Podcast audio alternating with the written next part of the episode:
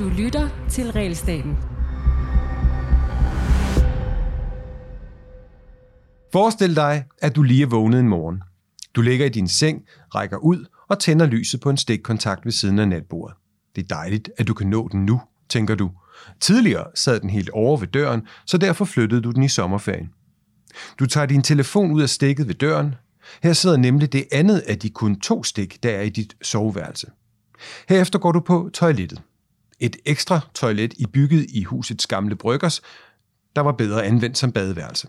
Det er derfor lidt småt, og der er faktisk kun 109 cm fra kummen over til væggen. Men du savner egentlig ikke mere benplads. Det gør du heller ikke over ved vasken, hvor der kun er 105 cm mellem vask og væg. Med morgentoiletten overstået går du ud og brygger dig en kop kaffe. I dit køkken er der en meters afstand ud fra skabene og til væggen. Du kigger ud af de små vinduer og ud i haven. Der kommer ikke meget lys ind om morgenen. Ja, faktisk udgør glasarealet i køkkenet kun 9% af gulvarealet. Men så kan man jo altid gå udenfor, og det gør du. Der ligger duk på græsset, som glimter i morgensolen, og du traver over den fugtige græsplæne til dit skur. Du bor tæt ved den tyske grænse. Det er den 3. oktober, Tysklands nationaldag. Du kommer af en tysk slægt og hejser derfor det tyske flag i flagstangen for at deltage i fejringen. Bare lige i dag.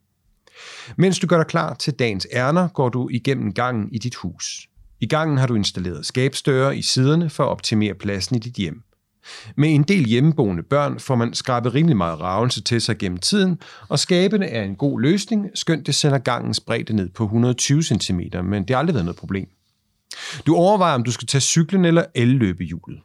I går tog du elløbehjulet, selvom du ikke kunne finde din cykelhjelm, så i dag tænker du, at det bliver cyklen i stedet. Det er regnet om natten, og vejen er fyldt med pytter. Du løfter begge fødder fra pedalerne, da du kører igennem en vandpyt. Inden længe nærmer du dig byen. Der er mange cykler, så du cykler længere. Øh, du cykler længe ved siden af en stor Christiania-cykel, indtil du presser dig selv og får overhalet den. Du nærmer dig arbejdet og skal til at dreje til højre i lyskrydset. Signalet lyser rødt, men på denne del af ruten er der aldrig nogen biler. Du ser ned ad to tomme gader og beslutter dig for at svinge til højre alligevel. Du ankommer til arbejde og stiller din cykel, men glemmer at låse den. Den næste dag tager du bilen i stedet. Vejret er slået om, og det er bidende koldt, så du går ud og starter bilen. To minutter før du skal afsted, så den ikke er iskold. Nøglen sidder i bilen fra dagen før, hvor du kom sent hjem. Du bor ude på landet, og det er usandsynligt, at nogen vil komme helt ind på gårdspladsen bare for at stjæle din gamle øse. Du kører sted i bilen og har hovedet fyldt med tanker om et vigtigt møde senere i dag, så du kommer til at dreje en gang for tidligt og køre ned ad en smal villavej. Du vender i en af indkørslerne. Du kører lidt længere og indser, at du har glemt din pung men der ligger lidt kontanter i handskerummet, så du tænker, det nok skal gå. Du ankommer til din destination. Du skal stille p-skiven. Din p-skive gik i stykker sidst. Du var i Sverige, hvorfor du købte en p-skive i en svensk forretning. Dagen går godt, og ikke mindst møder du kommer sent hjem efter en lang dag på arbejdet. Din bedre halvdel har parkeret sin bil, sin bil uhensigtsmæssig i indkørslen, hvilket gør det svært at parkere to biler. Så i stedet holder du bare foran hendes bil i din egen indkørsel. Der er stadig en times tid inden aftensmad, så du leger med dine børn i haven. Din yngste har set nogen, der skyder med slangebøs på YouTube og plager dig om at lave sådan en. Du finder et passende stykke træ i skoven samt en elastik og skyder til måls efter nogle dåser. Så foreslår ungerne et bål i haven, og da du har lidt haveaffald liggende, brænder du det af i den fjerneste ende af ejendommen. Du går ind i køkkenet for at forberede maden, mens børnene leger i et legetøj ude i haven. Legetårnet er 2,6 meter højt og er 2,4 meter fra skæld. Drengene kommer på et tidspunkt løbende ind i huset. De har fundet et dehydreret pindsvin. Det virker træt og svageligt, og børnene spørger, om de ikke må indrette et lille hjem til det i en gammel papkasse. Så kan I give det lidt mad og vand et par dage, indtil det kommer til hægterne. Du nikker, og de jubler over udsigten til et midlertidigt kæledyr. Senere spiser jeg aftensmad, men der er mad til over, så du fodrer dine høns med resterne. Klokken er nu 19. Du hører hjemme i bilen ringe udenfor. Det er sjældent, den får forvildet sig helt herude på landet, men en gang imellem lægger den ruten sådan, at børnene får en perfekt anledning til at plage om dessert. Du køber en familiepakke med blandet is og takker for handlen. Da ungerne er puttet, og I sidder i stuen, kommer du i tanke om, at du har glemt at købe billetter til den koncert, du har drømt om i flere år, og som nu er udsolgt. Du går på nettet og finder heldigvis en billet på dba.dk. Den er lidt dyrere end indkøbsprisen, men det går nok.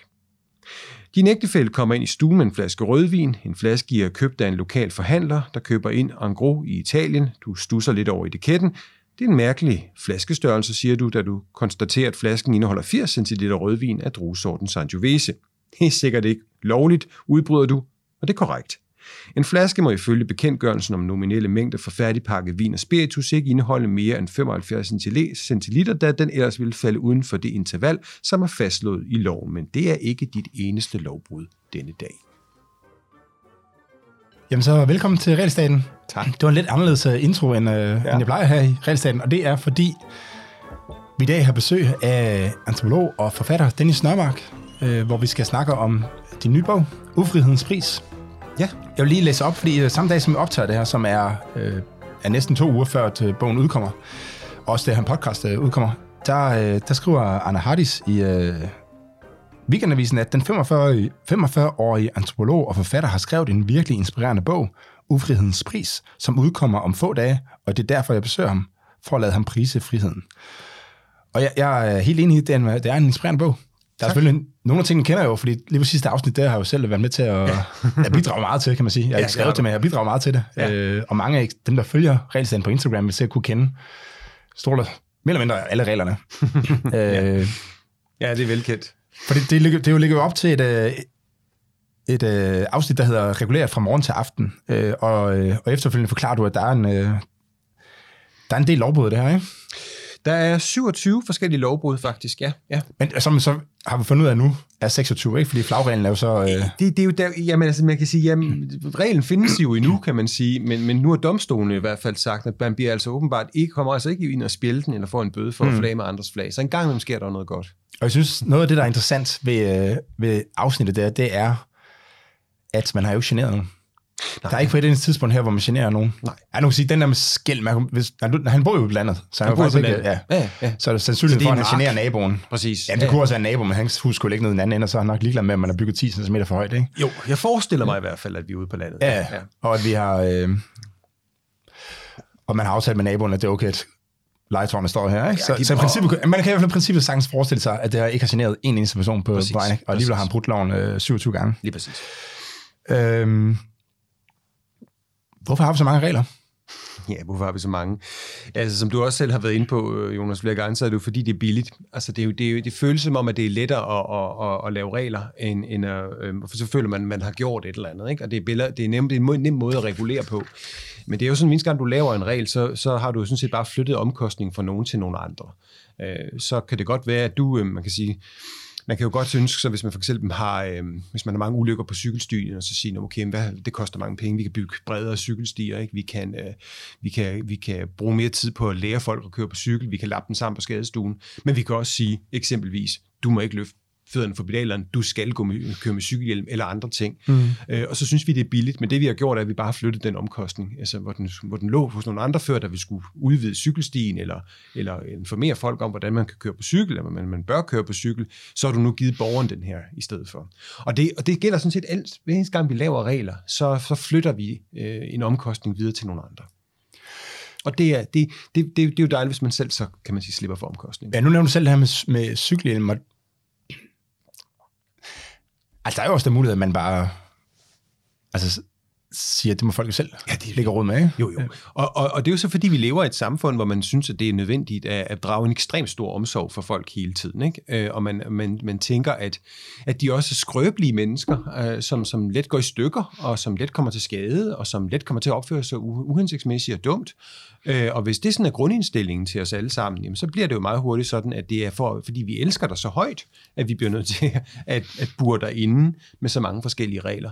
Øh, så det handler også i høj grad om menneskesynet, og hvordan vi, hvordan vi tænker om vores medmennesker. Vi tænker om dem, at, at, at det, det er bedst for dem, at vi gør de her ting.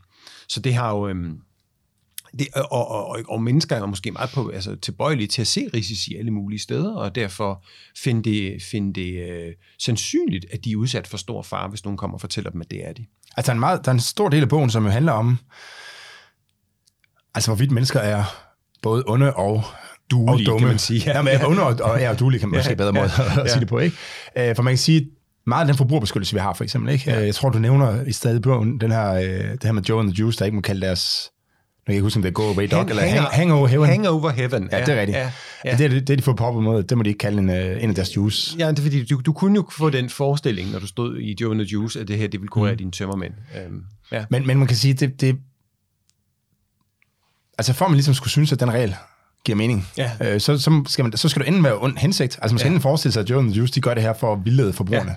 og ikke bare synes, at det er sjovt navn. Ja. Og så skal man også samtidig tænke, at forbrugerne de ikke kan gennemskue, hvad Joe and the Juice de er ude på. Ja, og det er jo nok Og- mest og det sidste. Ikke? Det er den der, kan man sige, meget konsekvente lave forventning til alle mennesker, som jeg synes, det her det er. Når du, når du, når du står med en pakke cornflakes på bordet, hvor du også skal angive, at at der er altså ikke også jordbær og mælk i den her pakke, mm. øh, fordi du, er til at skrive serveringsforslag ned i bunden, ikke? men det, det turde vil være indlysende, at, at de, de ting indeholder pakken, ikke? fordi det, det har cornflakes aldrig gjort. Øhm, men, men der man sige, det der med at udstyre mennesker med konsekvent lave forventninger, det, det er jo en del af det her paradigme. Ikke? Det er at sige, men du kan ikke finde ud af at, at kontakte din nabo og spørge, hey, generer det dig, at jeg brænder noget haveaffald af nu? Øhm, altså, fordi de, man, man antager ikke, at, at du er duelig i den, i den henseende. Men, øh, men altså, hvad, hvad, hvad har vi så? Altså, det, nu, siger, det, nu siger du, det er en antagelse, men er det Ja. så... Hvor kommer det Den, fra? man, kan godt have ret i sine antagelser. Ja, men det mener jeg ikke, at man, at man har. Øh, altså, det, det, jeg bruger en del krudt på i bogen, det er at vise, at, at mennesker faktisk er selvberoende i meget høj grad, og de faktisk er ret dygtige til at, til, at- til, at, til at klare deres, øh, deres omstændigheder selv. At de er ret gode til at organisere sig, de er ret gode til at egentlig at undgå, kan man sige, at gøre fuldstændig horrible, risikofyldte ting. Øh, at, de, øh, at, at de er kapable, kan man sige, i, i, i det, de foretager sig. Øhm, og også, at de, kan man sige, bliver endnu bedre, når de bliver mødt med høje forventninger til det, de laver. Så, så øh, jeg, jeg prøver i bogen at også sådan lidt øh, menneske og i antropologisk idehistorisk at undersøge, men hvor, hvor, hvorfra op, begynder vi at få så lave forventninger til, at folk de kan de her ting? Altså, hvorfor, hvorfor tror vi, at de hele tiden kommer til skade? Hvorfor tror vi ikke, de kan gennemskue eksempelvis? Eksempelvis, når de køber et hus, altså, hvor meget plads skal der være til det og det og det? Altså, mm-hmm. øh, selv kan man sige, gå rundt i en, i en bygning og gøre sig nogle, øh, gøre sig nogle erfaringer og, og, og opveje forskellige ting. Ikke? Så, så, øhm, så jeg prøver at kigge på, hvor ideen om det her skrøbelige øh, individ, det, det, det kommer fra. Og, og kan du gøre os klogere på det? Øh? Ja, Fordi du, har, du, du, har, du har, jeg synes egentlig, der er to ting i bogen. Ikke? Der er det der med, at, at øh, eller som, ja, man kan nok godt sige allerede nu, at du er tilbage Mm. på, at forsøge at få tilbagevist det. Ikke? Ja, og det virker, ja. jeg synes, det virker overbevisende. Men en ting det her med, at, for- at mennesker skulle være sådan onde, eller meget Ja. ja. voldelige, hvis ikke der er nogen, der ligesom Ja, det er holder styr ting. på dem. Ikke? Jo, og den jo. anden er det her med, at de er, at hvis ikke vi passer på dem, så, øh, så gør de alle mulige dumme ting. Ikke? Så gør de alle mulige dumme ting, ikke? Så er de ikke, så er de ikke særlig effektive. Det er jo sådan, altså jeg, jeg, Skal vi, lige- skal vi lige snakke om den der med, nu, det er kun fordi, det står først på Ja. sædel, ikke? Men Ja. øh, du snakker om det her med, om mennesker er onde, fordi, Ja. og var du inde på den her øh, klassiske forestilling om, at, ja, det ved jeg faktisk ikke om klassisk forestilling, men, men der er jo sådan nogle gange, hvad for nogle debatter om, hvorvidt, hvor, hvor, hvorvidt fortiden var meget voldelig, eller om den var, ja. ja, ja. eller om, den var, eller om alt var fryd og gammel. Ja, man kan sige, det er jo det, det, er jo det klassiske, hvis vi skal blive sådan filosofiske, sådan den, den sammenstød mellem Hobbes på den ene side, og Jean-Jacques Rousseau på den anden side, ikke? Hvor, hvor, hvor Hobbes jo ligesom bliver bliver berømt for i, i Leviathan at præsentere mennesket som et, der skal reguleres af autoriteter og konger osv., osv., for ellers så splitter de hinanden ad, fordi de er grundlæggende voldelige, og livet i naturtilstanden er et bråt, råt og brutalt og hensynsløst li- liv, hvor folk de dør meget tidligt, og de, kan man sige, bare venter på at få skåret halsen over en eller anden, øhm, en anden anden. Øhm, og, og, og nu er jeg jo antropolog, det er min faglighed, og antropolog har altid kigget med lidt undring på de her historier og sagt, det passer ikke rigtigt med det, vi ser derude. Og, og det er jo trods alt det, vi ved noget om, for vi mm. studerer de her samfund, og, og må alt overvejende sige, at Når du siger det her samfund, så og der tænker du jeg, sådan nogle sådan, øh, ja, samlersamfund, ja, Ja, altså ja. stammesamfund, altså sam, sam, samfund, som ikke små tidslommer i, øh, på verden, Ja, ja men verden. som jo stadigvæk findes. Altså, de findes jo på Papua Ny Guinea, de findes i Afrika, de findes i, i, i Sydamerika. Der findes jo sådan nogle lommer stadigvæk af, af mennesker, som lever, øh, øh, kan man sige, mere oprindeligt. Altså lever på måder, som vi må antage er ikke er 100% kalkeret af, hvordan vi selv gjorde for, for millioner år eller 100.000 år siden, men sådan mere eller mindre, som vi gjorde øh, for, for, for lang tid siden. Og, og den generelle opfattelse er, ja, volden er en smule højere, men det, der, det kan der være andre årsager til. Det gør, at de har ikke noget, de har ikke noget retssystem. De har, de, de mange af dem er i familie med hinanden, og vi ved, at enhver politiefterforsker ved, at det første sted, man skal lede efter en forbryder, nogen bliver slået ihjel, det er typisk inden for familien, mm, så det er måske ikke så underligt.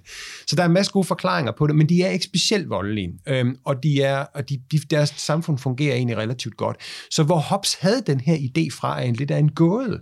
Øh, fordi allerede på Hobbes' tid, så var der, kan man sige, øh, så var der egentlig øh, vidnesbyrd om, at de her kulturer egentlig ikke var specielt altså, øh, voldelige, men det er ligesom en antagelse, man har, at civilisationen skal ligesom komme og disciplinere dem. Så, så man kan sige, det, det der har været sådan en antropologisk viden i mange år, det er, at, at, at de, her, de her folkeslag her, øh, lever egentlig relativt fredsomligt med hinanden, øhm, selvom de ikke har en stat. Altså selvom de ikke har en, et hierarki, selvom de ikke har en autoritet, der fortæller dem, sådan er reglerne, det er det, du skal gøre, fordi de, de finder ud af på en eller anden måde at tilpasse sig hinanden, fordi grundlæggende har du ikke ret meget ud af at gå og ævle og kævle med hinanden. Du har ikke ret meget ud af at gå i krig. Det er en dårlig strategi i virkeligheden. Øh, det er omkostningsfuldt at starte konflikter op. Det er jo langt, langt klogere at prøve at undgå at gøre det. Øhm, så den her forestilling om, at mennesker bare sådan frådende venter på at starte en konflikt, har ikke ret meget med virkeligheden at gøre. Hvis du sætter, sætter mennesker ud på en øde ø, så begynder de typisk at samarbejde.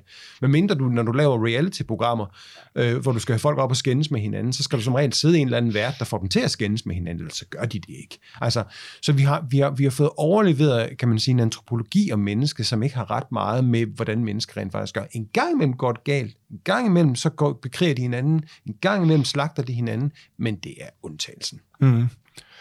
Ja, jeg synes, den, den, den, øh, det er interessant, fordi det, man kan sige, hvis bare sådan rent øh, økonomisk tænkning, så vil man sige, hvis, jamen, hvis du, altså, jo, du kan angribe nogen, og så ja. kan du tage deres ting, men du kan også handle med dem. Ja. Det er meget bedre. Og så i deres ting. Ja. Og, øh, og angrebet har jo også en pris. Altså, du risikerer jo selv at dø, øh, for eksempel. Ikke? Så, så, det, det, er så det, bliver jo, det bliver jo trade-off, ikke? og der skulle der alligevel være sådan lidt... Ja, ja der, der, der er to ting i. Mm. Der, der er jo det rent økonomiske ja. princip i det, ikke? Ja. Øh, som, og det, den, den går du så lidt imod, kan man sige. Ikke? Men, men, men, ja, men, men, det, det, det, det, det, det der med, at du ligesom har ja. det her trade-off med at sige, ja. jamen hvis jeg kan få en meget stor del af gevinsten bare ved at så handle med ham, fordi jeg har nok noget, som han også gerne vil have. Jamen, det, det er jo rigtigt nok, og jeg er jo, altså, jeg, jeg er jo øh, grundlæggende konsekvensetiker. Altså, mm. jeg, jeg tror jo på, at, at, at det er udkommet af vores handlinger, som, som, som, som, som det handler om. Øh, og man kan sige, hvis vi skal kigge på det sådan rent konsekvensetisk, jamen, så er det et klogere valg at samarbejde, end det er at mm. bekrige hinanden. Du kommer, der kommer mere ud af det, og grunden til, at vi blev rige i vores del af verden, var at vi holdt op med at bekrige hinanden, og begyndte at handle med hinanden i stedet for. Ikke? Samarbejde virker, og, og der er ingen grund til at tro, at vores evolutionære, sådan kan man sige, arv, at det, at det sunde princip på en eller anden måde skulle være fuldstændig fraværende, fordi hvordan i himlens navn skulle vi så være blevet til dem, den dominerende mm. art, vi er blevet på jorden. Så man må antage, at mennesker har været relativt godt til, god til at samarbejde, har ønsket at samarbejde, mm. har, og, og krigen har været det absolut sidste alternativ, når alle andre muligheder var udtømte. Men du, du kom, og det er så, man sige, det er jo sådan rent, øh, altså, ekstremt selviske mennesker, der vil, der vil sige, kan jeg, hvordan får jeg mest bedst noget ud af ham her? Skal jeg slå ham ihjel, eller skal jeg handle med ham? Ikke? Ja. Men, men der er også det moralske, som du ja, også er meget ja, inde på, ja. at, øh, altså, at Ja, så selv vi skal mennesker overhovedet ikke. Nej, og, men igen, hvis vi, hvis vi skal blive det sådan evolutionære og, og, og konsekvensetiske, så må man jo også regne med, at moral har haft en, kan man sige, en evolutionær fordel. Altså det har været, det har været smart at, at, at, mm. at fø, have medfølelse med andre, fordi der, der kommer mere ud af det. Altså jeg er jo darwinist grundlæggende. Jeg tror på, at det er, det, det er den måde, det er det bedst kan forklare, hvorfor vi er blevet, som vi er blevet. Men det gør bare ikke de, de følelser mindre ædle og mere fantastiske, at de er udviklet på den måde. Altså ja. vi mennesker er jo sådan, vi, jo, vi, vi, vi føler jo for hinanden. Vi bliver ked af, når andre kommer til skade skade. Langt de fleste af dem, mindre du er psykopat eller et eller andet, ikke? Øh, så, så bliver vi jo berørt af andre menneskers smerte. Vi ønsker at afhjælpe det. Når vi, vi, vi, vi føler, at vi har et ansvar over for mm. hinanden. Det er helt naturligt for mennesker at gøre den slags. Og det, og det kan du, også, du kan også se det for, for helt, når børn er helt små. Altså, når du, når du, når du, man kan vise små film til, til børnene helt ned i, en, i øhm, altså sådan spædbørnsalderen. Øh, og, og, og de ville, hvor du for eksempel ser en eller anden trekant, der hjælper en, øh, der, der, der en trekant, der er på vej op ad en bakke, og så kommer der en, en blå firkant, der presser den ned igen, og så en gul gul cirkel, der hjælper den der op igen. Og, sådan. og barnet rækker senere efterfølgende instinktivt ud efter den venlige figur. Den søde, den søde, den søde figur, gule. Der, der, der hjælper ikke. Den søde gule, og kan ikke lide den blå firkant. Og det er fordi, barn kan allerede tidligt se, hvem er røvhuller, og hvem er ikke røvhuller, og interessere sig for det. Så ideen om, at vi sådan, kan man sige, er sådan nogle aber, øh, der, nede for, der sådan har udviklet sådan et, et, en sådan naturlig aggression imod andre, og bare ønsker at møve sig frem, og er fuldstændig ligeglade med, hvad andre føler og, og tænker om os, det er ikke i overensstemmelse med evolution, det er ikke i overensstemmelse mm. med det antropologer siger, det er heller ikke i overensstemmelse med psykologiske eksperimenter. Jeg læste, da jeg, jeg tror det var lige da jeg blev færdig med at studere, læste jeg en bog af Thor Nørtranders, Ja, det generøse menneske. Ja, lige præcis. Det, ja, ja, ja, lige præcis. Lige præcis. Ja. Og jeg synes noget af det, nu kan jeg ikke huske, jeg kan overhovedet ikke huske detaljerne i bogen, vel, men jeg kan huske noget af det, jeg tænkte i hvert fald efterfølgende, det der med, at han får nogle af de bøger, som, jeg, som virkelig går indtryk på mig, det er når de får beskrevet noget, som nogen tænker, men ud fra sådan en økonomisk Ja, ja, øh, ja, rationale. Ja. Og noget af det, han, han beskriver, det er, at vi, tæ- vi har tendens til at tænke på mennesker som individer. Ja. Ja. Altså som et, som et helt menneske, men i virkeligheden er det jo generne. Ja. Så generne, de skal finde en strategi, hvorpå de ligesom ja. kan overleve, ikke? Jo. Og der, øh, og der er det jo en god strategi at hjælpe hinanden som menneske. Absolut. Altså det er, jo, det er jo godt at have det i generne, fordi det gør jo, at du har meget større succes som, som gen. Ja, øh, ja, altså som, som, i- eller hvad skal man kalde en idé øh, nærmest, ikke? Altså du har meget større mulighed for at overleve, hvis du, Ja. hvis du hjælper hinanden. Og det er jo derfor, at hvis, hvis du ser en, altså hvis du møder nogle fremmede i udlandet, øh, og du beder dem om hjælp med et eller andet, jamen så i 99,9% af tilfældene vil de jo hjælpe. Du kan selvfølgelig være uheldig, du rammer en eller anden psykopat, eller hvad jeg Men generelt er det jo sådan, ikke? Altså, og det er jo fordi, det er jo, det er jo meningen, hvis du, hvis du arbejder sidder i de, er i de her samlersamfund, så er, det, så er det ikke alle, der har lige stor held med jagten hver dag. Mm. Altså, nogen kan engang imellem, kan man sige, nedlægge et stort dyr. De kan ikke, de kan ikke de kan ikke spise det hele selv, det vil gå i forrådnelse. Så det er meget smartere, kan man sige, at tage resten af gruppen og sige, nu deles vi om det her. Men så har jeg også en tjeneste til gode, ikke? Altså det der med at, at samarbejde om forskellige ting, at dele ting, ressourcer med hinanden, fordi man således senere skylder nogen. Mm. Det, er en, det er en fuldstændig logisk måde at gå til tingene på, og de kulturer, der har udviklet den der, og kan, den der moralske samvittighed og moralske hukommelse, de har haft en, en evolutionær forskel, som de andre grupper ikke har haft. Mm. Stadigvæk, selektion foregår på individniveau, ikke på gruppeniveau. Men, men, men man kan sige, at de to ting følges på en eller anden måde. De individer, der lever i de her grupper, har en fordel. Mm-hmm. Ja, ja, men, og, altså, der sker også masser af ting, hvor man hjælper, altså hvor man som mennesker hjælper hinanden, uden at man på nogen som helst måde Ja. har mulighed for at få modydelser i, uh, igen, bare ud for sådan rent. Det, fordi sådan gør vi. Det, Altså, det, og det, er og det er jo fordi, det er smart at have den der moral, for den moral gør jo, at den, den, den, den, den virker jo hele tiden. Den virker i situationer, hvor det kan blive gengældt. Den virker selvfølgelig også i situationer, hvor den aldrig nogensinde har nogen chance for at blive gengældt. Det, det interessante er, at følelsen er der. Vi er, har moralske følelser som mennesker, øh, og, og, vi, og vi, vi er gode til at have dem. Altså, og det er jo igen, det har mange andre beskrevet. Adam Smith beskrev det, ikke? Altså, at vi har den der sympati, ikke? som vi vender mod hinanden. Ikke? Øh, og og det, er- det er det mest menneskelige, vi overhovedet har. Mm. Altså, men, men en gang imellem, så går det galt. Så kan det være, at nogen der begynder at markedsføre deres produkter på en eller anden, altså for at narre forbrugerne. Ja, ja, ja, Øh, ja, ja. Og, og der- derfor har du også et afsnit om det her med, om, altså, om folk så er så nemme at narre, eller er så, altså, skal hjælpe så meget for at navigere i det moderne, øh, moderne samfund. Og, øh, og en af de ting, som, som jeg også kender fra mit tidligere job, øh, som du snakker om, det er det her shared spaces. Kan du ikke prøve lige at forklare om, øh, Ja, jamen shared space var noget, jeg, jeg begyndte at interessere mig for det her med, at øh, det var faktisk det, der satte mig på sporet af den her bog, jeg gør, jeg sådan endelig ville skrive den. Ikke? Det var fordi, at der var nogen, der gjorde mig opmærksom på, at når du, når du, når du fjerner regler, eksempelvis i trafikken, når du fjerner sådan nogle anvisninger om, hvor folk skal køre, eller masser af advarselsskilte, eller kan man sige, opdeler kørebanen øh, i sådan eks- eksklusiv rettigheder, kan man sige. Mm. Her skal cyklisterne være, her skal bilerne være, her skal fodgængerne være. Hvis du fjerner alt det, så reducerer du antallet af uheld. Og det synes jeg jo var rasende interessant, fordi vi jo netop hele tiden sætter de her regler i søen og sætter dem op og, og håndhæver dem, fordi vi tror, at mennesker vil komme til skade ellers, fordi de kan ikke finde ud af at navigere blandt hinanden. De, de har brug for hele tiden at få anvisninger. Men en shared space viser, det har mennesker sådan set ikke. De er faktisk ret gode. De er faktisk bedre til at orientere sig, hvad der foregår, når de ikke bliver hjulpet af de her forskellige ting. Man kan sige, shared space-filosofien går på, når du kører i et kryds, der ikke er reguleret på den måde, og du ikke ved, hvor folk skal være, så er det en lille bitte smule mere farligt. Mm. Men fordi det er en smule mere farligt, så er du også en smule bedre. Ikke? Du er lidt mere agtpågivende. Du orientere dig bedre i forhold til de mennesker, du er. Jeg tror også, mange har oplevet det der med, hvis man et, et lyskryds, hvis, hvis lysreguleringen pludselig går i stykker, så kan det godt være, at man bliver meget nervøs, når man ser det, fordi vi er jo så vant til, at oh, nu, nu går det galt.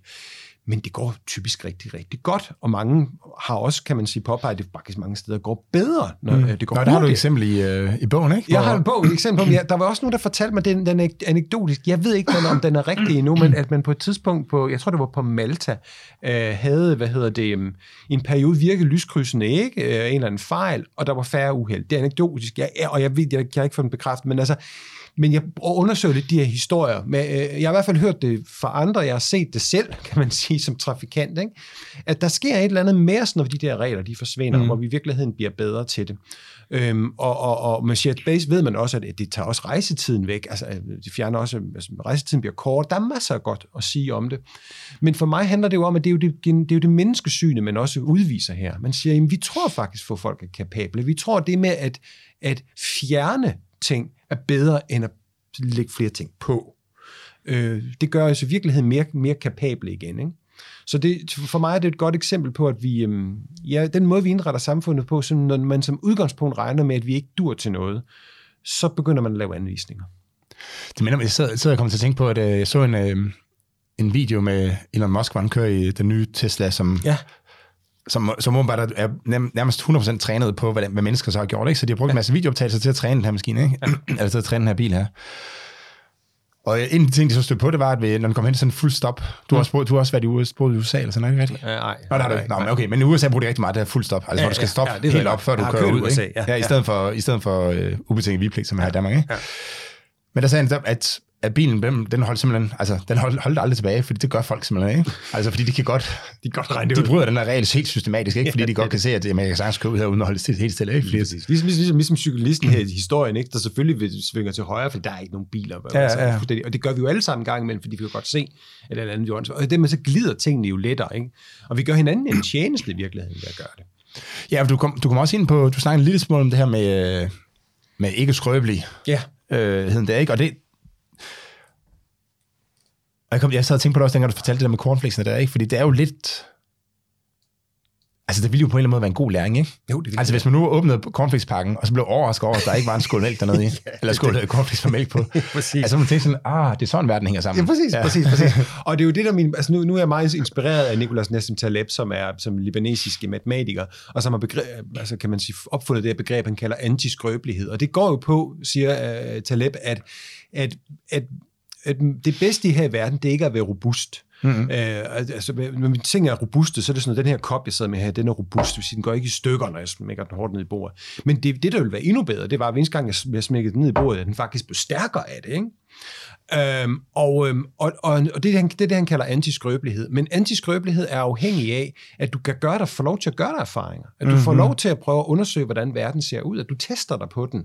At du, at du mærker den på en eller anden måde. At du, sådan, er- du resonerer med den. Ikke? Øh, og hvis du, hvis du aldrig nogensinde får lov til at gøre dig erfaringer, for nogen har hele tiden gjort dem for dig, Altså, du, siger, du får aldrig lov til at gøre dig erfaringer med dehydreret pindsvin. Du får ikke lov til at gøre dig erfaringer med bål, eller, eller legetårne, eller noget som helst andet, fordi der er nogen sådan, i centret, kan man sige, der er centralt mm. bestemt, der har bestemt sig for at gøre de erfaringer for dig.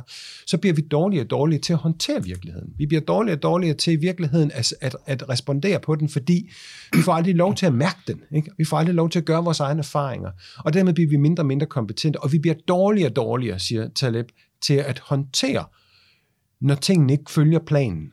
Og, og der er ikke ret meget her i verden, der følger planen. Mm. Altså alting sker jo en gang imellem fuldstændig, hvor man, bliver, hvor man, hvor man må indrømme, at den dag, man havde tænkt skulle være sådan, endte med at blive på en anden måde. Og hvis vi går i panik hver gang, eller fryser, eller bliver fuldstændig paralyseret hver eneste gang, tingene ikke går, som vi forventer, så bliver vi også igen mindre og mindre kapable. Mm. Så tingene hænger jo sammen samfund med lave forventninger til folk, hvor, hvor alting er gennemtykket for dig hele tiden, skaber mere skrøbelighed, og ikke mere. Mindre. Ja, det er jo meget interessant, ikke? for det fun- fungerer jo på rigtig mange niveauer. Altså, Ja. ja. du, du, har, du skriver blandt andet en, øh, jeg tror, der er, et, der er to afsnit eller sådan, om, om børn, ikke? Jo, jo, jo. Med, et- det måske kan være meget fint, at så prøve at så, altså, bl- blive væk. Hvis du bliver væk, så finder du ud af, okay, der, der er nok lige en grænse for, hvor langt jeg skal bevæge mig ud i noget, jeg ikke kender, fordi at Ja. det er faktisk ubehageligt at ikke kunne finde tilbage til mor og far. Ikke? Det- Det, det det, kan, være, det. det kan være en god øh, Det er en oplevelse. super god, altså jeg gør det selv med mine børn en gang imellem. Altså jeg har sådan, et, altså hvis de pludselig løber væk i supermarkedet, så lader jeg dem løbe væk, fordi og, så- og de, fordi så finder de ud af, at det, altså, der er en grund til, at jeg står og siger til dem, at det kan være Enten du ud af, farligt. det kan jeg godt klare, eller ja, så ja, finder du ud af, præcis, og man det, tænker, jeg, ved godt, jeg ved godt, hvad supermarkedets afgrænsning er. Jeg Ja. ved godt, altså, at det kan ikke gå galt, det her. Men det ved, det ved min søn ikke. Men min søn, søn må gerne lære det. Mm, Ikke? mm, I stedet for, at jeg render rundt hele tiden og følger efter i røven af ham, for at sikre, at han ikke kommer til at komme til skade på nogen mm. måde. Og vi ved faktisk, altså Men det kan psykologer... også videre jo i virkeligheden, fordi en, en af grunden til, at man også godt kan finde på at følge efter børn, det er jo fordi, at de så kan risikere at genere andre. Men der kan man jo også godt, det lærer de jo også noget af på en eller anden måde, ikke? Ja, det- Altså det er jo en... Øh, Det er jo Altså, det, er, det, er det, er, det er jo meget forkert at sige, at det, ikke, at det er en samfundsopgave at opdrage børn, ikke? Men, og det er det jo, det er det ikke. Det er jo forældrenes ansvar, kan man sige. Ikke? Men ligesom hvis du tæller en bål ude i haven, og så kommer naboen over og siger, at det var faktisk lidt træls, du lige tændte en bål, fordi jeg havde faktisk øh, tøj til at hænge ude, så lærer du ligesom at... Altså, du, du lærer- bliver trænet i at tage hensyn til andre på den måde, ikke? Ja, ja. Du lærer hele tiden at, af, at afpasse din, mm. og, din, din, din handlinger, fordi du også bliver nødt til at tage del i et fællesskab. Og, og, og, og, og vi, vi tager del i et fællesskab, og det at være del af et fællesskab betyder altså også, at der er, der er, noget, der er nogle andre mennesker, du ligesom skal være agtpågivende overfor. Øh, og det, Det, ligesom det, hvis du løber rundt om hjørnet i supermarkedet, så render ind i en, så vil han kigge lidt mærkeligt på dig, så vil barnet tænke sådan, okay, det, det er måske ikke så smart. Det er måske ikke en god idé, vel? Og, så, og, så, og, og, og, og det, den, den, den erfaring forhindrer vi meget vores børn i at gøre i dag. Altså, og, og der er psykologer, der mener, at at, at, at en af grundene til, at børn mistrives så meget, øh, og er så ulykkelige, og unge mennesker er også ulykkelige, for, er fordi, at de faktisk ikke har fået lov til at gøre sig de her erfaringer. Mm. Det vil sige, når de så endelig møder virkeligheden derude, så går de, så fryser de, så bliver de, så bliver de forvirret, de bliver kede af det, fordi de har ikke fået den der antiskrøbelighed undervejs. Altså, vi, vi, vi, vi tillader ikke vores børn, de der ting. Børn leger stort set ikke udenfor længere. Det gør de stort set ikke. Mm-hmm. Det, det er ret vildt. Øh, og, og, og det med at have en udendørs leg, og en lidt farlig leg, og en risikobetinget leg, det er sundt for børn. De, de hærdes af det. Ikke, ikke gør dumdristige og åndssvage ting. Altså, som barn, så kørte vi også rundt uden cykelhjelm det er jo åndssvagt, fordi det er jo en ret god idé at have en cykelhjelm på, når man er et lille hoved. Ikke? Altså, men, men, men det der med at kravle op i træer en gang imellem, falde ned så fra dem og så videre, det, det er sundt. Mm. Det er bestemt sundt. Øhm, og og hvis, vi, hvis vi fratager vores børn og gør de erfaringer, så er det klart, så ruster vi dem heller ikke særlig godt til virkeligheden. Og det tror jeg ærligt talt er en af de ting, vi kan se med unge mennesker i dag, at de er meget, meget dårlige til at håndtere den virkelighed, de kommer ud i. Altså, det ligger totalt ud for mit fagområde, ikke? så jeg aner ikke skid om. men, men jeg synes, hele ideen der øh, virker meget tiltalende på en eller anden måde. Ikke? Altså mm. det der med, at der er noget sundt ved at lave sine egne erfaringer. Man kan også huske for sit eget liv, at man nogle gange havner i en situation, hvor man tænker sådan, nu er det godt nok lidt ubehageligt her, ikke? Ja. men så finder man ud af, det kunne jeg faktisk godt. Ja, ja. Øh, og, og, så, øh, og, så, og så, så bliver man, så vokser man lidt som, øh, som menneske, ikke? Jo, øh, og, og det er jo, jo. Og det samme med det der med, hvis man kommer til at gøre noget, man siger sådan, okay, det var, det var nok ikke så smart igen, det der. Øh, for det, det, blev de lidt ked af, og mm. jeg, jeg har skabt noget røre her, ikke? Jo. Det er også godt, specielt når det så foregår på det, på det lave niveau, ikke? Eller jo. på det, på det ubetydelige niveau, kan man måske kalde det. Ja, ja. Så hvis du, øh, hvis du kommer til at løbe rundt om hjørnet, og så løber lige en mand ned i supermarkedet, og han ja. bliver sådan lidt mopset over det. Ja, ja. Det er relativt uskadeligt, i forhold til, hvis du hvad jeg, øh, hvis du så ikke har haft masser af de oplevelser, så ender med at så køre rådent øh, i en bil, når du bliver 18, det, det. og så ender med at køre ind ned. Altså, så er det jo, så er det jo en faktor det, det, det, tusind værre, ikke? Og det, det, det handler måske... Eller du skal rangere, du skal rangere risici. Ja, altså, præcis, man kan sige, det er også det, som Taleb han siger. Altså, jeg, han sagde, så når jeg sætter mig ind i et fly, så vil jeg egentlig gerne have piloten af en smule paranoid. Det passer mig egentlig okay, fordi ja. det, det er skide farligt, det han laver. Ikke?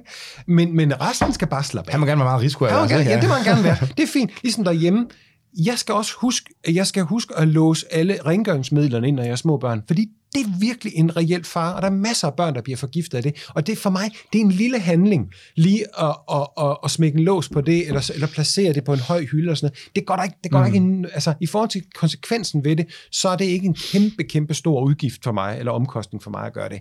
Men alle mulige andre risici... Skal du behøver ikke save de, uh, save de nederste grene af træet, for at han ikke kan komme op og sådan noget. Nej, det behøver jeg ikke gøre. Der er masser af andre risici, som man ikke behøver at skærme folk for. Og, og, og, og i ufrihedens pris kigger jeg på, at det her, det er jo ikke kun for børn, det er alle mennesker, vi begynder at gøre sådan her ved. Vi gør det også i vores organisationer, vi gør det i, i alle mulige steder. Vi forhindrer folk i at tage risici, som sådan set ikke er særlig farlige, fordi, at vi, har, fordi vi har fortalt dem, at, at vi gerne vil beskytte dem og passe på dem. Altså, intentionen er jo edel nok, mm. men du gør dem en bjørnetjeneste, for at bruge det der gode gamle klassiske udtryk. Ikke? Altså, du tror, du hjælper nogen. Altså en stor tjeneste, ikke? Nej, det vil gas, det ja. gas. Man skal passe på med det ord. Men ja, men du tror, du har hjulpet, men det har du ikke. Det, og det, det, det, det er det, som, som Taleb siger. Du, vi, vi gør det her med gode intentioner, men i virkeligheden gør vi mere skade. Og det, og det bringer os næsten tilbage til Joe and the Juice, ikke? Altså, det jo, er jo, jo, jo. absurd. Ja. Altså, hvem, selv hvis folk tror, at deres uh, juice, den skulle gøre noget godt for, uh, for tummen eller sådan noget, hvad er så skaden ja. sket? Ja. Ja, ingenting. ingenting. Og det samme, jeg kan huske, jeg havde en debat med en af mine, øh, mine naboer på... Nej, debat passer jo ikke. Vi kom bare til at snakke om en gang, hvor vi ude og drikke øl. Men, der, ja. men det der med, at om det skulle være tilladt at sælge saftvand i en, øh, altså, i en ølbar, og så sige, at det var, det var en øl. Så sige, altså, på en måde skal det jo ikke være tilladt, men jeg synes heller ikke, det er noget, staten skal begynde at lave regler om. Nej. Fordi det var, det var en absurd... Øh, det, det, til. Til, og, og, hvad, og hvad sker der ved det? Altså, så kan ja. du jo sige, det gider, altså, så kan du tage konflikten ned i barn og sige, jeg gider altså, selv en øl, og nu giver du mig saftvand. Men så kan alting gå galt. Altså, ja. I, I, I, beskriver i, i bogen også, det, vi, vi, vi går fra i dag ned til, man kan kalde en possibilistisk verden. Altså, hvor, hvor for, for, tidligere, man kan, man kan rangere, man kan gå til risici på en probabilist og en, og en possibilistisk måde. Man kan sige, probabilistisk, det er at sige, okay, hvad er risikoen for det her? samtidig med omkostninger. Altså det er igen det her med, ja, det, det er en god idé at låse øh, rengøringsmidlerne ind. Ikke? En, men vi har fået det, som øh, en, en fransk øh, eller en, en, en kanadisk sociolog, der hedder Frank Furedy, kalder for en, en possibilistisk opfattelse, nemlig at, at hvad kan gå galt i den her verden? Jamen, det er rigtig godt. Man kunne godt forestille sig, at nogen ville sælge sodavand som øl eller omvendt. Mm. Så må vi forbyde det.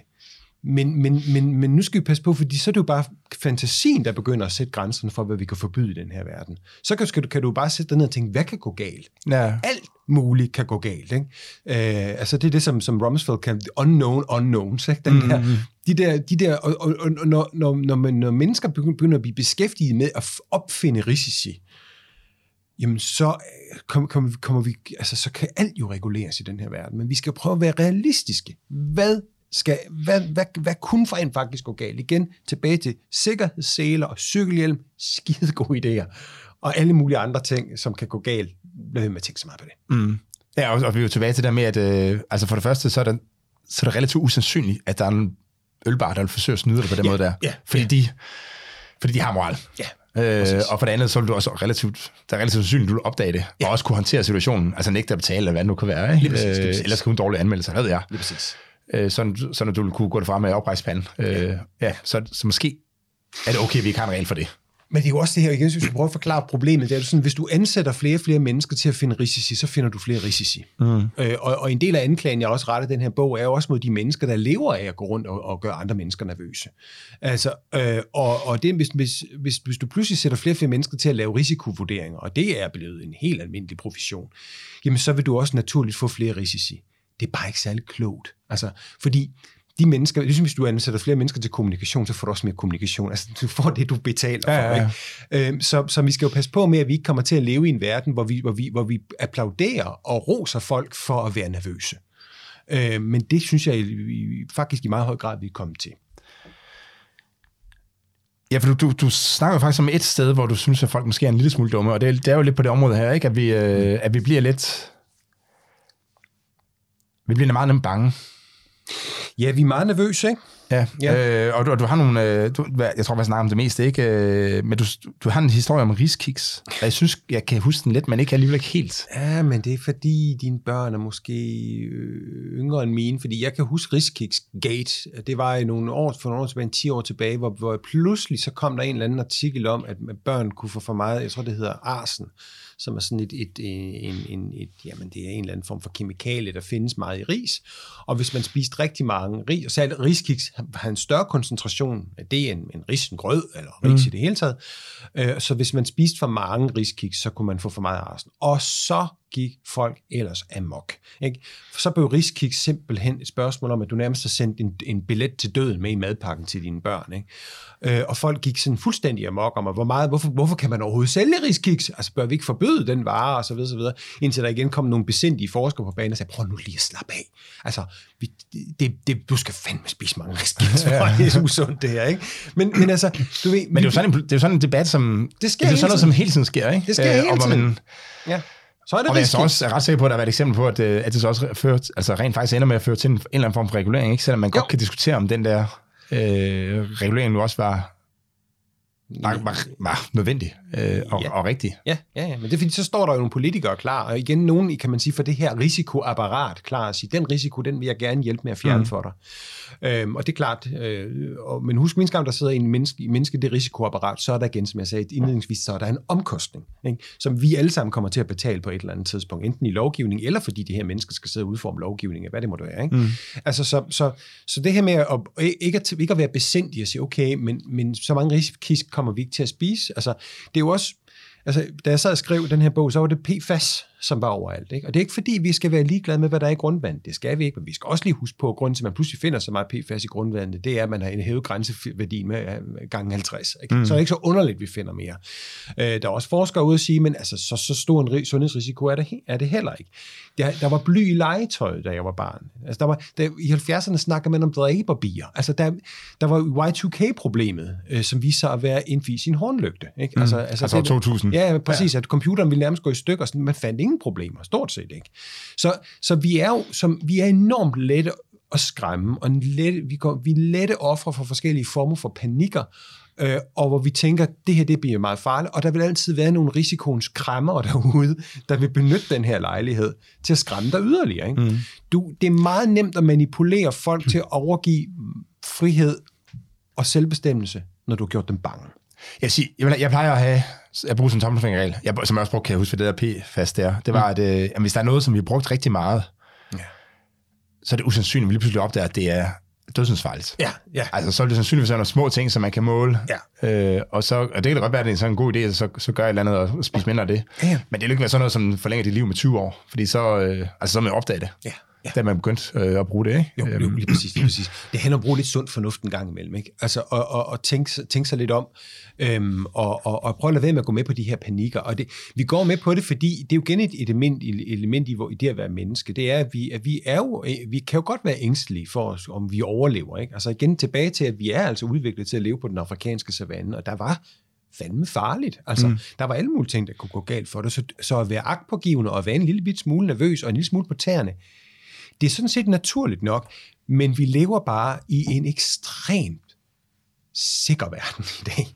Altså, vi lever ikke på den afrikanske savanne, hvor der er en sabeltiger, der står lige om hjørnet. Vi lever faktisk i ekstremt mm. øh, sikre øh, omstændigheder, fordi vi er meget moralske. Vi, vi er blevet klogere. Vi er blevet meget, meget klogere. Vi, ikke, vi lever ikke i sikre verdener, fordi vi er blevet reguleret, men fordi vi er blevet klogere. Vi ved noget om, hvad, der kan ramme os. Ikke? Mm. Øhm, og, og, og jo mere vi bliver informeret og klogere og klogere og klogere, jo flere risici er vi, som kan bedre blive vi til at vurdere, hvad risici er faktisk nogen, jeg skal bekymre mig om, og for er ikke.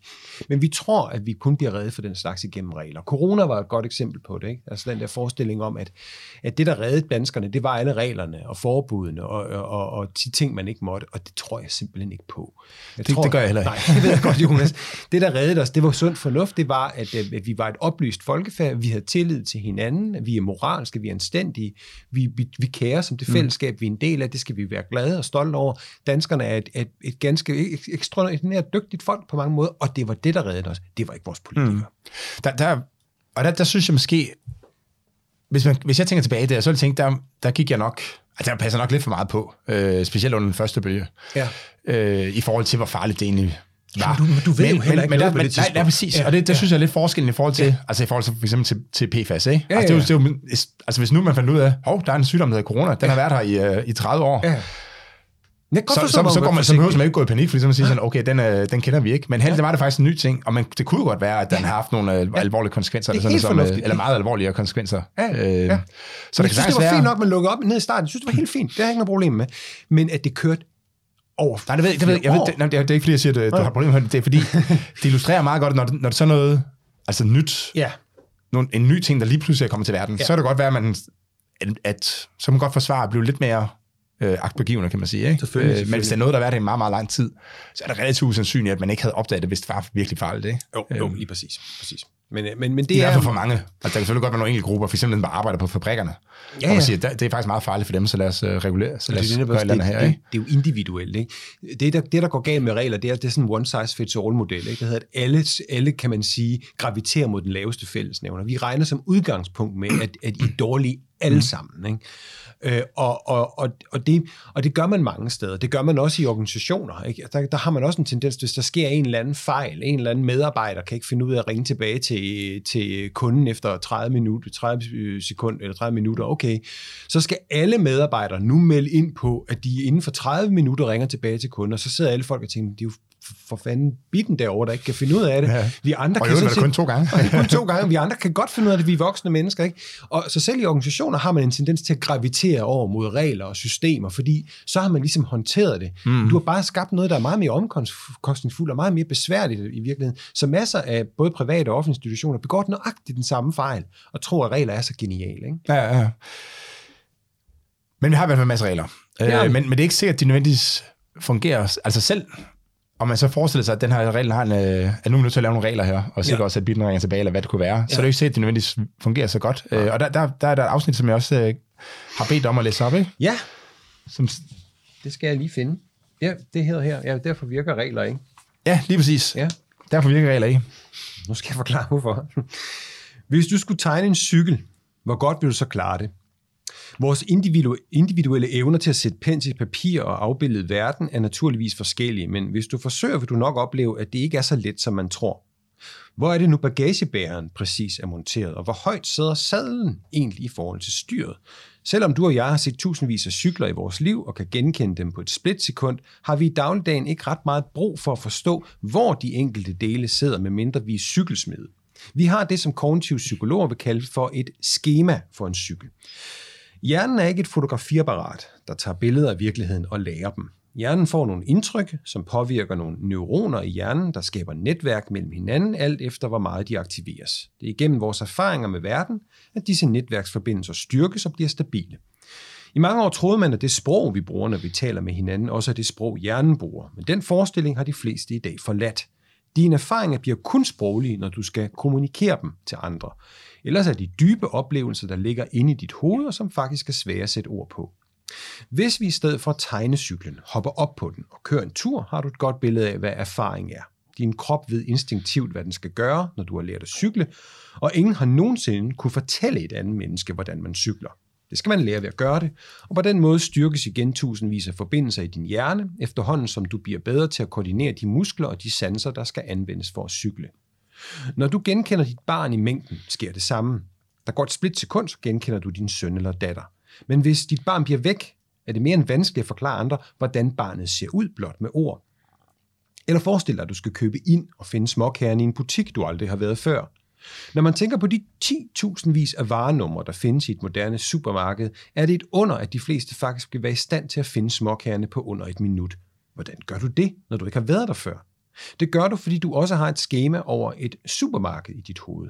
Du ved, at du kun finder småkærne i vinafdelingen, hvis nogen har fortrudt deres køb på vej ned i kassen. De fleste leder efter madafdelingen, undviger frost- og kølediske, bemærker måske skilte med kaffe og te, og ret hurtigt står de med en pakke vaniljekranse. Det, jeg synes er godt ved det, øh, ved det afsnit, det er, det, er, at det, det beskriver lidt, hvor svært det er at så opstille regler for, øh, for de ting, som egentlig det, vi gerne vil have. Ja. Øh, så hvis du gerne vil have... Ja, og, og, og jeg tror også, at alle, der har fået børn, de øh, og skal tegne med deres børn, ja. de oplever det der med at sige, far, kan du ikke tegne en hund? Så bare sådan, så bare, hvor fanden er nu egentlig benene, der sidder hen? fordi det kan faktisk godt være ret svært, og man skal virkelig koncentrere sig, fordi man, ja. altså, det kan være svært at huske, hvor, hvor halen, hvor er det præcis, den sidder ja. fast den.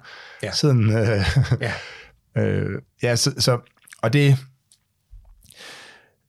det er intuitivt, ikke? Det er intuitivt, ja. ja. Og, det, og det er det, man, man nogle gange, hvis man så skal sige, jamen hun, den har, altså, den nemmeste nok, det der med at beskrive, den, det eksempel, du har med at beskrive dit barn. Ja, beskrive ja, dit barn. barn. Ja, ja, ja, ja. Fordi du, du kan kende dit barn på et splitsekund, ikke? men det er faktisk ret svært at så beskrive præcis, hvordan det, barnet ser ud. Ja. Øh, og det er jo det, man gerne vil. Ja. Hvis du siger, nu vil jeg have et, have et system, som sikrer, at kunden får en, øh, en god... Ja. Nu skal jeg fastsætte nogle regler for, at kunden får en god, øh, god oplevelse. Ja. Ja.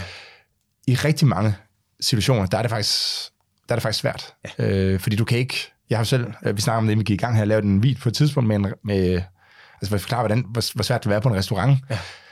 Men du, det er jo svært at så beskrive kvalitet af mad. Altså, hvordan, ja. hvordan smager mad ja. godt? Altså, hvordan sikrer du, at en restaurant laver god mad? Det, ja. Altså, du kan godt du kan sætte, tage, de to, tage de samme råvarer i to restauranter, og det smager vidt forskelligt, ikke? Ja. Ja.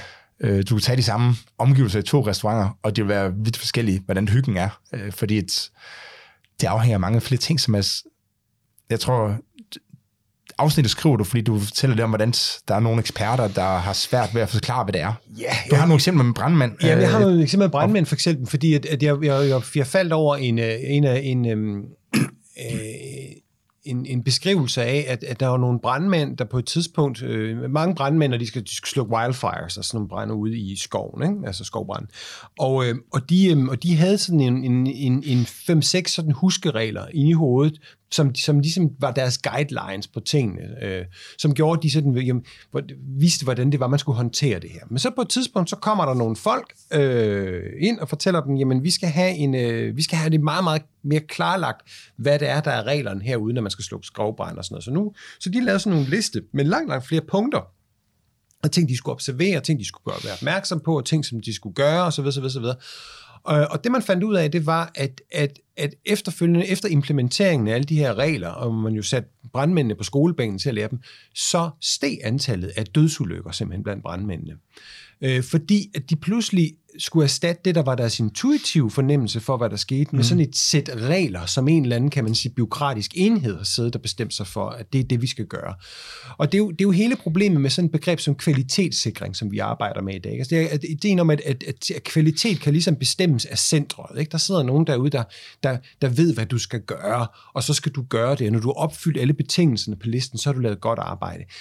Og alle, der laver godt arbejde, ved godt, at det er noget vrøvl. Mm. Altså, det mest... I hvert fald mange settings. Der er, så lidt, der er sikkert nogen, hvor det giver god mening. Der er sikkert nogle steder, hvor, men, men for langt de fleste mennesker i deres arbejde, ved de jo godt, hvad der er det rigtige at gøre, medmindre de er meget uerfarne. Og så igen, så er lister ikke den bedste måde at lære at arbejde på. Øhm, men, men den der, den der idé om, at, at hvis vi nu kan opsætte et, et, et regelsæt for arbejde, så vil det her med være nemmere at udføre. Jeg har også et eksempel fra, fra, fra bogen med en, med, en, med en mand, der arbejder på et sygehus, som, som i dagligdagen varetager enormt mange hensynsfulde gode opgaver i tråd med, hvad kan man sige, et sygehus grundlæggende raison d'etre, som er at hjælpe folk. Mm. Øh, men, men det er ikke det, der står i hans arbejdsbeskrivelse, han skal. Han, han er rengøringsassistent. Der står alle mulige mærker i beskrive i detaljer, hvad han skal. Men i virkeligheden, så gør han jo det rigtige hver dag, fordi han ikke følger listen. Han følger sin intuition, han gør alle mulige andre ting. Noget agtigt ligesom i trafikken igen, hvor vi, hvis vi rigidt gør, som vi får besked på, så kan vi nogle gange i virkeligheden komme til at bringe os selv i større fare, end vi skulle have været. Øh, og og det, det er det der problemet når vi, med, med regler, og det er det grund til at gå ind i, i, i kognitivt til værks her, det er for at vise, at, at vores hjerner er egentlig, fungerer egentlig bedst ved, at man oplærer forskellige ting, og så anvender man denne her viden. Hver eneste gang du tror, du kan sætte dig ned og prøve at beskrive i detaljer igennem for eksempel regler eller protokoller osv., osv., hvad det rigtige er at gøre, så mister du enormt stor grad af viden. Mm. Øh, og du gør i virkeligheden folk dårligere, som du så med brandmændene, til at udføre deres opgave. Så, så det, det, det er det med at prøve at, at, prøve at overbevise folk om, at, at at en, en, en regelstyret virkelighed bliver dårlig til at håndtere virkeligheden, som den er. Med al dens støj og mangler og overraskelser og alle de ting, der opstår. Øh, mens, mens intuition og faglighed, det, det er godt. Og, det, og jeg har jo lidt mit udstående her med, by, med den byråkratiske logik, fordi byråkrater har aldrig rigtig været særlig gode til at forstå andres fagområde. Altså, og det er jo det er sådan noget som det er noget, som, som, som, som sociologer har beskrevet, altså som Talcott Parsons, amerikanske sociologer, også sådan som Jürgen Habermas, altså det der med, at, at når, når, når byråkrater kommer og fortæller, jeg vil gerne bestemme, hvad kvalitet er for dig, og hvad der, hvad der er det rigtige at gøre, så gør de det med deres egen faglighed. Og mm. det, er jo ikke, det er jo ikke pædagogens, eller lærerens, eller nogen som helst andens, andens faglighed, men de kan godt lide at sætte tingene op i skemaer. De kan godt lide at bestemme, at det er sådan her, det skal være, fordi det giver sikkerhed i den byråkratiske logik, men det passer bare ikke ind i den pædagogiske, eller lærerens, eller nogen som helst andres logikker. Og derfor du har bare eksempler fra Finansministeriets kvalitetsskema fra, for institutioner, ikke? Jo, det er fantastisk. man har der skal man, øh, og... jo, man skal krydse af i en, en daginstitution, om, om, øh, om, om de er meget ude, børnene. Øh, fordi det, man, har nu et, man har et målbart succeskriterie inde på kommunen, der hedder, at børnene skal have meget udeliv. Ikke? Og så, mm. så, så, så skal no, pædagogen notere sig, jamen vi har været ude så så mange dage i år, ikke? eller de har også kunne døde mig også en, en, en kolonne for, at, at børnene, at institutionen holder dyr. Ikke? Og, og det, så skal de jo også notere, hvor mange dyr de har, fordi det er igen sidder der en biokrat dernede og bestemmer sig for, at det er kvalitet. Men et, et, et, en pædagog eller en forælder eller et barn har jo ikke den opfattelse af kvalitet. Det er jo ikke det, der er vigtigt. Det er jo ikke det første, du spørger dem, så børn børnehave, hvor mange dyr har I her, hvor meget er I ude? Altså, det kan godt være, det, altså, nogle af spørgsmålene er relevante, men du, du mærker jo efter, du finder, hvordan er stemningen? Hvordan er den her person, jeg står overfor? Sidder der et barn og græder over i hjørnet? Altså, du, det er jo alle mulige andre ting, vi lægger mærke til. Det er jo ikke et sæt øh, kvalitetsstandarder, vi går mm. og reagerer på. Og, og, Nej, jeg vil ikke sige, jeg kan tilføje, at mange kommuner har også krav til, hvor altså, lange åbningstiden skal være, og hvor stor, hvor stor øh, legepladsen skal være, og alle mulige andre ting, så, ikke? Som, som man kan sige, det er jo ikke, det er jo ikke det, der er kvalitet. Nej, det er ikke det, der er kvalitet. Og det, og det, det indgår selvfølgelig på en eller anden måde i, øh, i at man synes, en, en, jo, jo, jo. en institution er god, men det er jo ikke det, det er jo ikke det, folk er interesseret i. Nej, og når vi får sådan et system her, så får du også fornemmelsen, så bliver, så, så, så bliver de her mennesker også mødt med en konstant mistillid af systemet, der fortæller dem, at vi regner igen ikke for noget. Ikke? Og den byråkratiske logik, den er finere og bedre end den logik, som du har. Og jeg har ikke noget imod byråkrater, men jeg er imod byråkrater, når de bliver arrogant, arrogante. Ikke? Når de tror, at deres egen faglighed er alle andres overlegen. Mm. At, at, at det med at sætte tingene på regler og systemer og protokoller, det er en bedre måde at forstå verden på, end igennem intuition og igennem det, de der kognitive skemaer og den der høje faglighed. Og det er jo derfor, vi i de her år ser et sammenstød mellem den der regelverden, altså det Habermas kalder sådan systemverden på den ene side, den byråkratiske logik, og så den levede livsverden på den anden side. Og de der sammenstød opstår jo, fordi at der er nogen, der fortæller dem, at, at verden kan, se, kan planlægges, den kan styres, den kan sættes i protokoller og, og, og, og Excel-ark, og, og en stor, kæmpestor gruppe af fagmennesker, der siger, gud, kan den ej. Men men der er jo også nogle eksempler på, at det, det rent faktisk virker. Jeg husker i, uh, i Daniel Kahnemans bog, den er Thinking Fast and Slow, mm. der har han et eksempel med, hvor de beskriver, at de har forsøgt at se evaluere uh, officerer i den israelske her, tror jeg det er. Ja.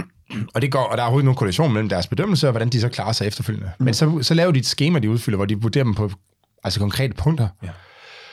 Og, øh, Altså siger, når man går han til samarbejde, så får han en score der, ikke? Mm. Og så bruger de den samlede score til at vurdere hans uh, potentiale. Og der får de bedre sammenhæng efterfølgende. Så det, mm. så det er jo ja. På en eller anden måde byråkrati, eller hvad skal det. Det er jo sådan... Det ser jeg ikke. Det er jo skemaer, men... Øh... Det er jo ikke, ikke noget galt i skemaer. Det er heller ikke noget galt i rådgivning. Det er, der, det er fantastisk at blive set udefra en anden faggruppe, for eksempel. Altså, det, er jo, det, er jo, det er jo fornuftigt nok, hvis du kom som byråkrat ned i, i systemet og sagde, kiggede på, hvad de gjorde. Det, jeg har problemet med, det er regler, det er hierarkier, det er tvang. Det er, mm. når vi, når, vi siger, vores måde at se verden på, den er bedre end din, og vi har magten til at bestemme over dig. Vi har magten til at sige, du skal notere, hvor mange dage I er ude om året. Du skal notere, hvor mange dyr I har. Der skal være så så stor øh, antal kvadratmeter til det og det og det.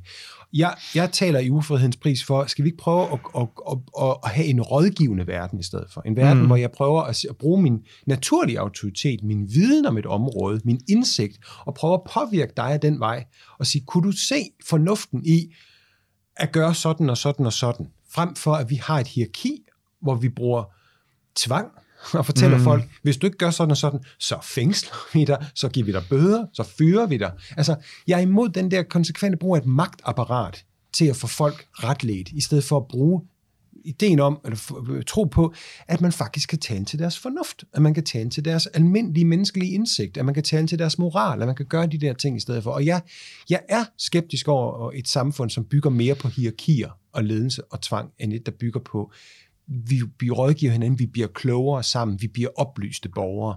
Øh, og, og jeg synes, vi er på vej en ekstremt kedelig retning, i retning, i retning af mere hierarki og mere kontrol og mere ledelse.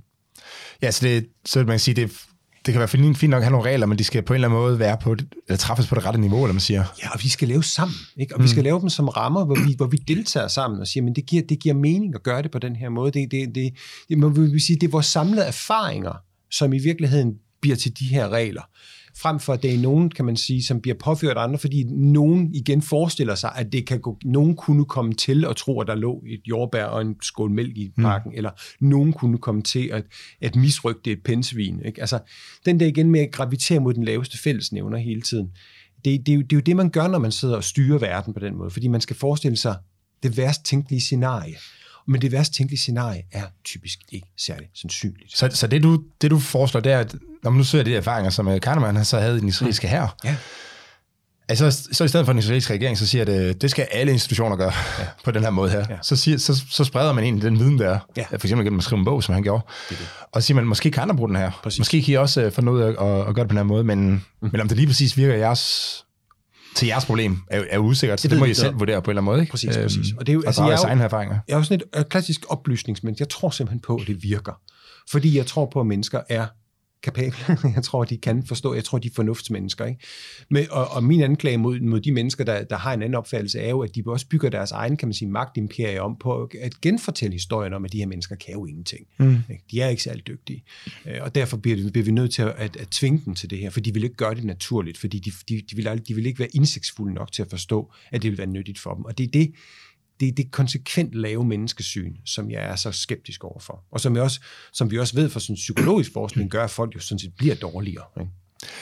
Jamen, så, så lad os slutte af med, med, med det dårlige menneskesyn, fordi jeg har, øh, jeg har noget, som jeg har tænkt over et stykke tid, og jeg har ikke rigtig fundet nogen, jeg kan diskutere det med. Så jeg tænkte, ja. at jeg prøve at se, om du måske kan gøre mig klogere på det. Mm. Og det er, det, det er den her, jeg sidder med sådan en opfattelse af, at myndighederne eller staten rigtig tit er på jagt efter de, øh, altså efter de svageste i samfundet. Ja.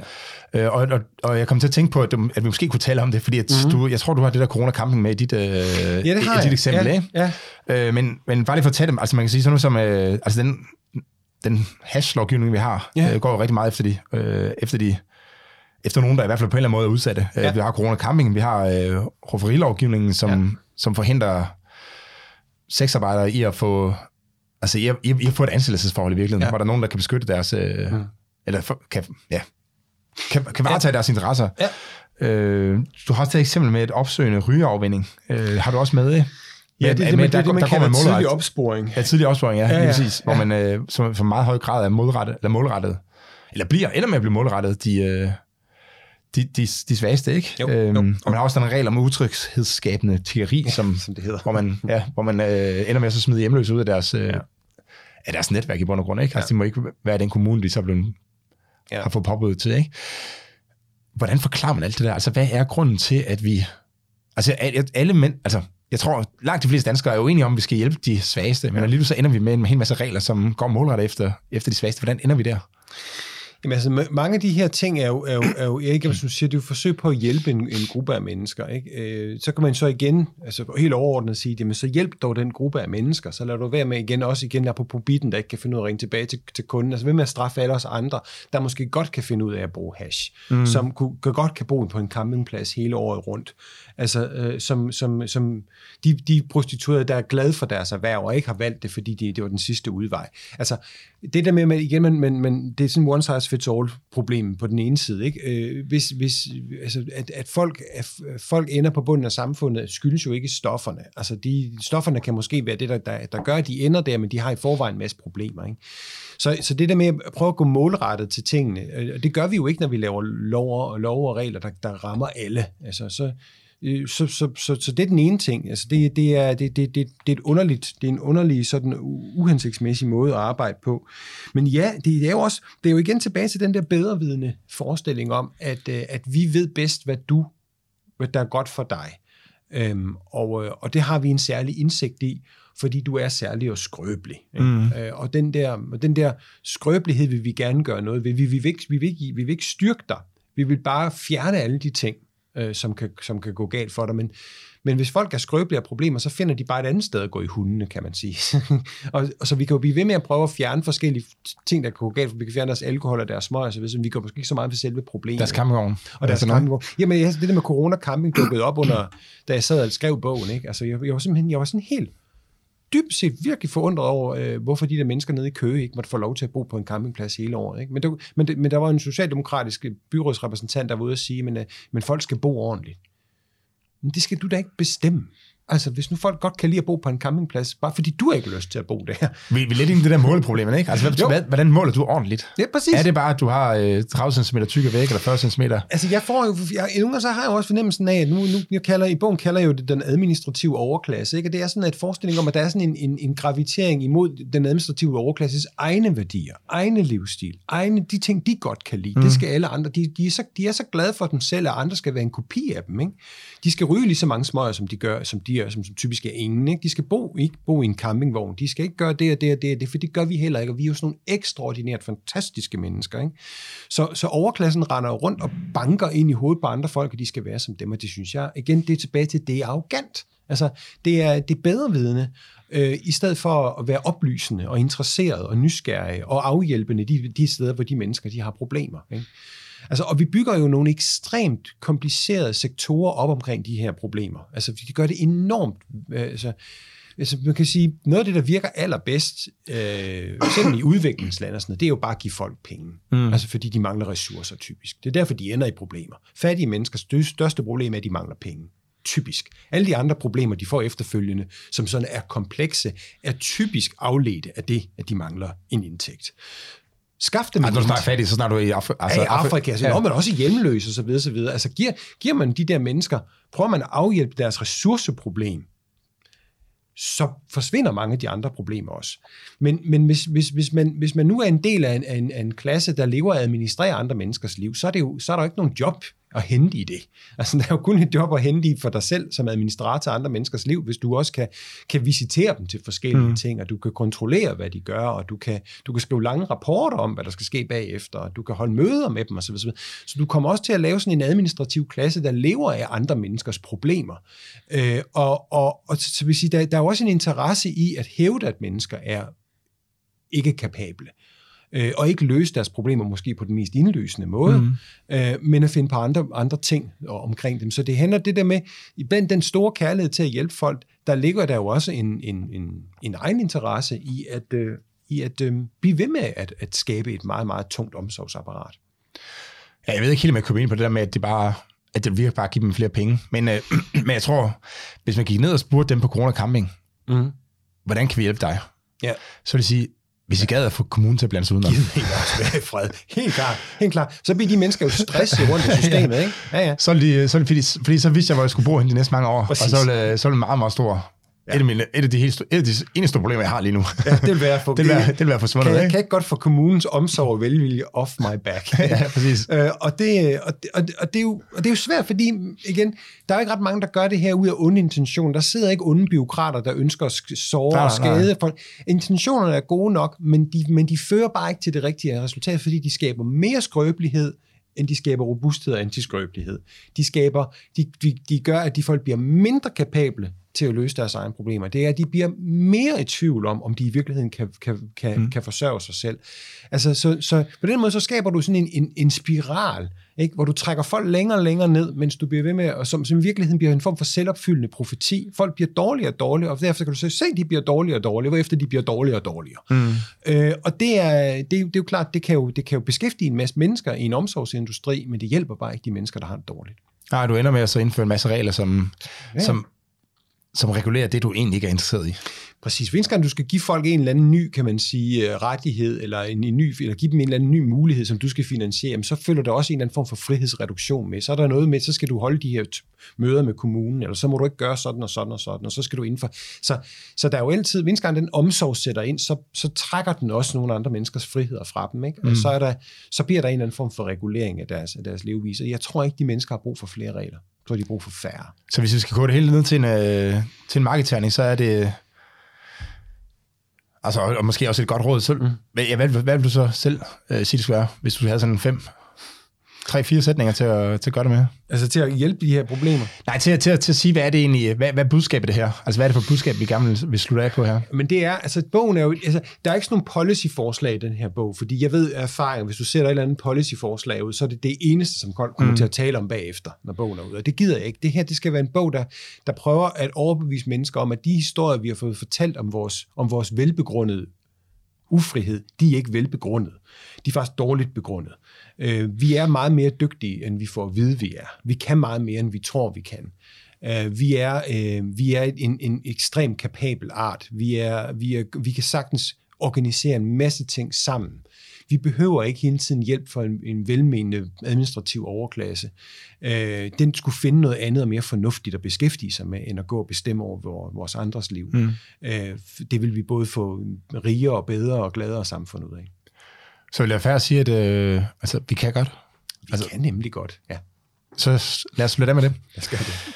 Tak fordi du kommer og både læse op for os, og også øh, uddybe nogle af pointerne i din, øh, i din bog, og, og hjælpe med lige at relatere dem til, til regelstaten. Velbekomme. Tak for i dag. Tak.